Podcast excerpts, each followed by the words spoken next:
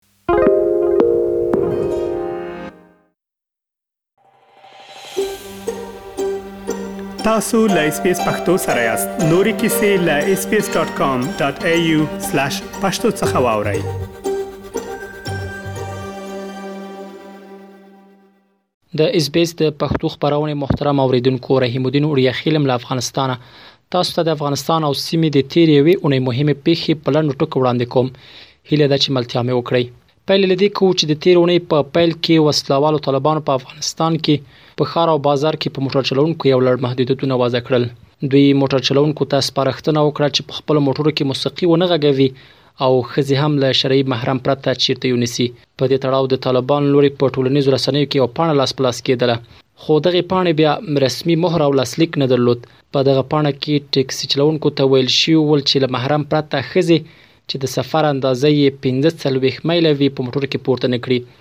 دغه شان دغه پاڼه کې په موټرو کې پر نشه يي توکو د استفادې بندیز هم لګېدلی و او ویل شوي ول چې د لمانځه پر مهال باید موټرې په یو مناسب ځای کې ودرېږي. د طالبانو د امر بالمعروف او نهی عن المنکر وزارت هم دغه موضوع تاییده کړې چې له ټکسي او ښاري وړو موټرو یې غوښتي چې له شرعي محرم او حجاب پرته مېرمنې له یو ځای بل ځای ته په موټرو کې یونیسي. کابل ښاریانو په تیره میرمنو بیا د طالبانو د امر بالمعروف او نهی عن المنکر وزارت د تازه سپارښتنو ته غبرګون ښودلی. دوی ویلي طالبان په دا ډول پریکړو سره هڅه کوي ښځې په ټولنه کې محدودې کړي. اخوا د بشر حقونو د څار بنسټ هم د طالبانو پر دې کړنلارې نیوکه کړې چې پر ښځو یې محدودیتونه لګولي دي. خو په ټوله کې افغانستان کې طالبانو له واکمنۍ څخه د پاسه څلور میاشتې تیریږي او نږدې سل ورځې کیږي چې لا هم انجونې او خزو ته د زده کړو او کار اجازه نه ده ورکړل شوې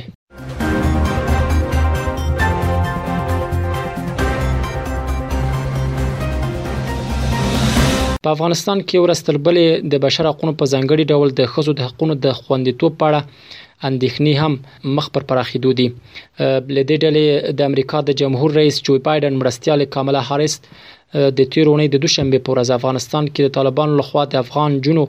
او خزو سره دروان چلن په اړه اندېښنه خوده هغې فیس د نشن خبرونه سره مرکه ویلي چې طالبانو لا هم له افغان نجونو او ښځو سره مناسب چلند نه دی رعایت کړی هغه همدارس ویلي له افغان ښځو او نجونو د ملاتړ دوام احساسوي او له همدې امله طالبانو سره کار کوي څو په دې برخه کې خپل اندېښنې او ملاحظات له هغوی سره شریک کړي خو طالبانو بیا د نوموړي د دې اندېښنې په ځواب کې ویلي چې دوی هغه مسولیتونه درکوي چې د افغان ښځو او نجونو پر وړاندې یې لري خو په ټوله کې اندېښنه دا ده چې د ښځو د حقونو په اړه د طالبانو دریز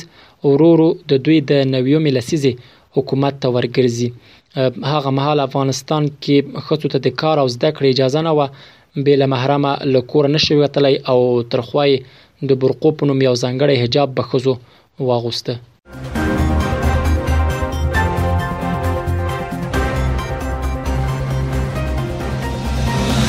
د قطر په پلازمینه دوحه کې بیا پر دې خبرې روانې دي چې ترکیه او قطري شخصي کمپنۍ څرنګه د کابل په شمول د افغانستان 15 هوایي ډګرونه فعالولای شي فرانس پریس اژانس د ترکیه د بهرنیو چارو د وزیر مولود چاوش اوغلو په وینا دا خبره خبره کړې ده چاوشوغلو ویلي د ترکیې او قطر کمپنیو په خپل کې دا هوکړه کړې ده چې د افغانستان پنځه هوایي ډګرونه فعال کړي خو په وینا لا هم دوی د طالبانو موافقې ته انتظار دي طالبانو بیا په دې اړه ویلي چې دوی له بیلابل هیوادونو وړاندیزونه ترلاسه کړي خو تر اوسه له دوی سره د قطر او ترکیې پر طرحه په تفصیل خبرې نه دي شوي یوې سرچینې چې نه یې غوښتل نوم یې واخیستل شي رسنیو ته بیا دا هم ویلي چې لا هم یوازې دا خبرې شوې دي چې دا کمپنۍ کار ته چمتو دي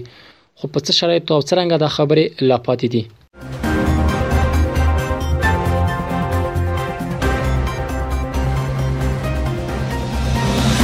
د امریکا ولسمشر د تیر اونۍ د دوشنبه په ورځ بیا د 2022م کال لپاره د هیواد د ملي دفاع قانون لایحه لاسلیک کړه چې له مخې د دې هیواد دفاعي لګښتونو لپاره پکې اوه سوه او اووه میلیارډه ډالره په پام کې نیول شوي دي. خو اصلي موضوع دا ده چې دې لایحې په لاسلیک سره په افغانستان کې د امریکا تر ټولو د اوږدې جګړې د ارزونې ځانګړی کمیسیون هم جوړ شوی دی. دا کمیسیون د امریکا له دواړو ګوندونو البته د جمهوري پالو او ډیموکراټانو جوړ شپاړس غړي لري. دوی ته دنده ورکړل شوې چې په افغانستان کې د امریکا د ماتې لاملونه وڅېړي. دا کمیسیون به د افغانستان د جګړې په اړه چې د امریکا په تاریخ کې تر ټولو اوږده جګړه بلل کېږي، یو جاج اخلي او د راتلونکي عملیاتو لپاره به له دغې جګړې د اخیستل شویو تکتیکي او ستراتیژیکو درسونو سپارښتنې وړاندې کوي.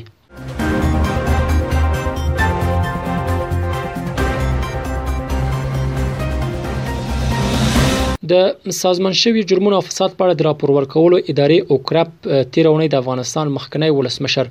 محمد اشرف غنی نوم د 2020م کال ته تر ټولو فاسد شخص په لیست کې شامل کړ دغې ادارې ویل چې غني یې ځکه د دې جایزې مستحق وګڼه چې خپل ولس یې مرګ او بدمرغۍ ته پرېښودل او له نورو مفسدینو سره یوځای عربي اماراتو ته وتښتید یادې پروژې د غني ترڅنګ د بیلاروس ولسمشر الکسندر لوکاشینکو د سوریې ولسمشر بشار الاسد او د ترکیې ولسمشر رجب طیب اردوغان او د اتریش پخوانی صدراعظم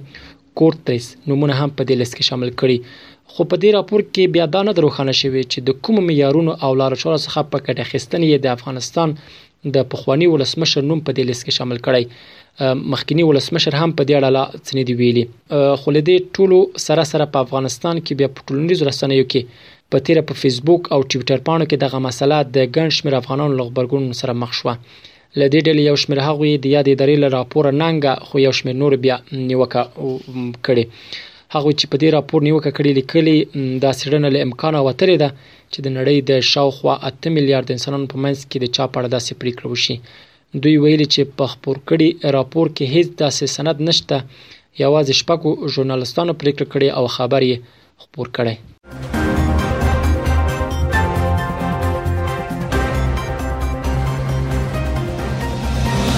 د دې اونۍ د پای خبر هم دا چې د افغانستان پخوانی ولسمشر د تیر اونۍ په پای کې البته د پنځشنبه په ورځ له بي بي سي سره په مرکه کې ویل وروسته له هغه له هیواد ولاړ چې وسلوالو طالبانو د کابل واک تر خپل کنټرول لاندې راوست او په ارګ ماڼۍ کې امنیتي ډلې ورته خبرداری ورکړ چې نور نه شي کولای د کابل او د هغه دفاع وکړي. هغه په دې مرکه کې وویل چې پوهېږي چې ولې افغانان هغه د طالبانو د ژر تر ژره په واکمنۍ تورنوي. هغه زیاته کړه چې د اګست د پنځلسمې په سهار یې هېڅ فکر نه کاوه چې د ماسپښین تر ناوخته به له افغانستان نه ووځي. هغه همداراز دا هم وویل چې لوړپوړو امنیتي چارواکو ورته وویل چې طالبان کابل ته د ننوتلو ژمنه ماته کړې، او په کابل او ارګ ماڼۍ کې امنیتي ځواکونه سقوط شوي دي. ښاغلي غني همداراز وویل چې د افغانستان د ګډوډۍ او کړکېچ ملامتي په دا چل شوې ده او د دې لپاره دا ملامتي مني چې پر نړیوالو شریکانو یې باور وکړ او دا یې لویه تېروتنه وه چې پر وینا یې په دوامداره توګه په ده فشار راوړی و او د ده واک یې محدود کړی و. دا په داسې حال کې ده چې له کابله تر وتلو وروسته پخوانی ولسمشر محمد اشرف غني یوازې پر خپله شخصي فېسبوک پاڼه تر دا مهاله راڅرګند شوی و او دا یې لومړی ځل و چې د یوې نړیوالې رسنۍ له لارې یې د کابل د سقوط په اړه خبرې خپرې شوې. دا و د افغانستان او سیمې د تېرې یوې اونۍ مهمې پېښې چې ما تاسو ته وړاندې کړې. تر بیا ښې چارې. اس پی اس پختو په فیسبوک کې تا کې پلی مطلب یو فاک کړئ نظر ور کړئ او له نورو سره شریک کړئ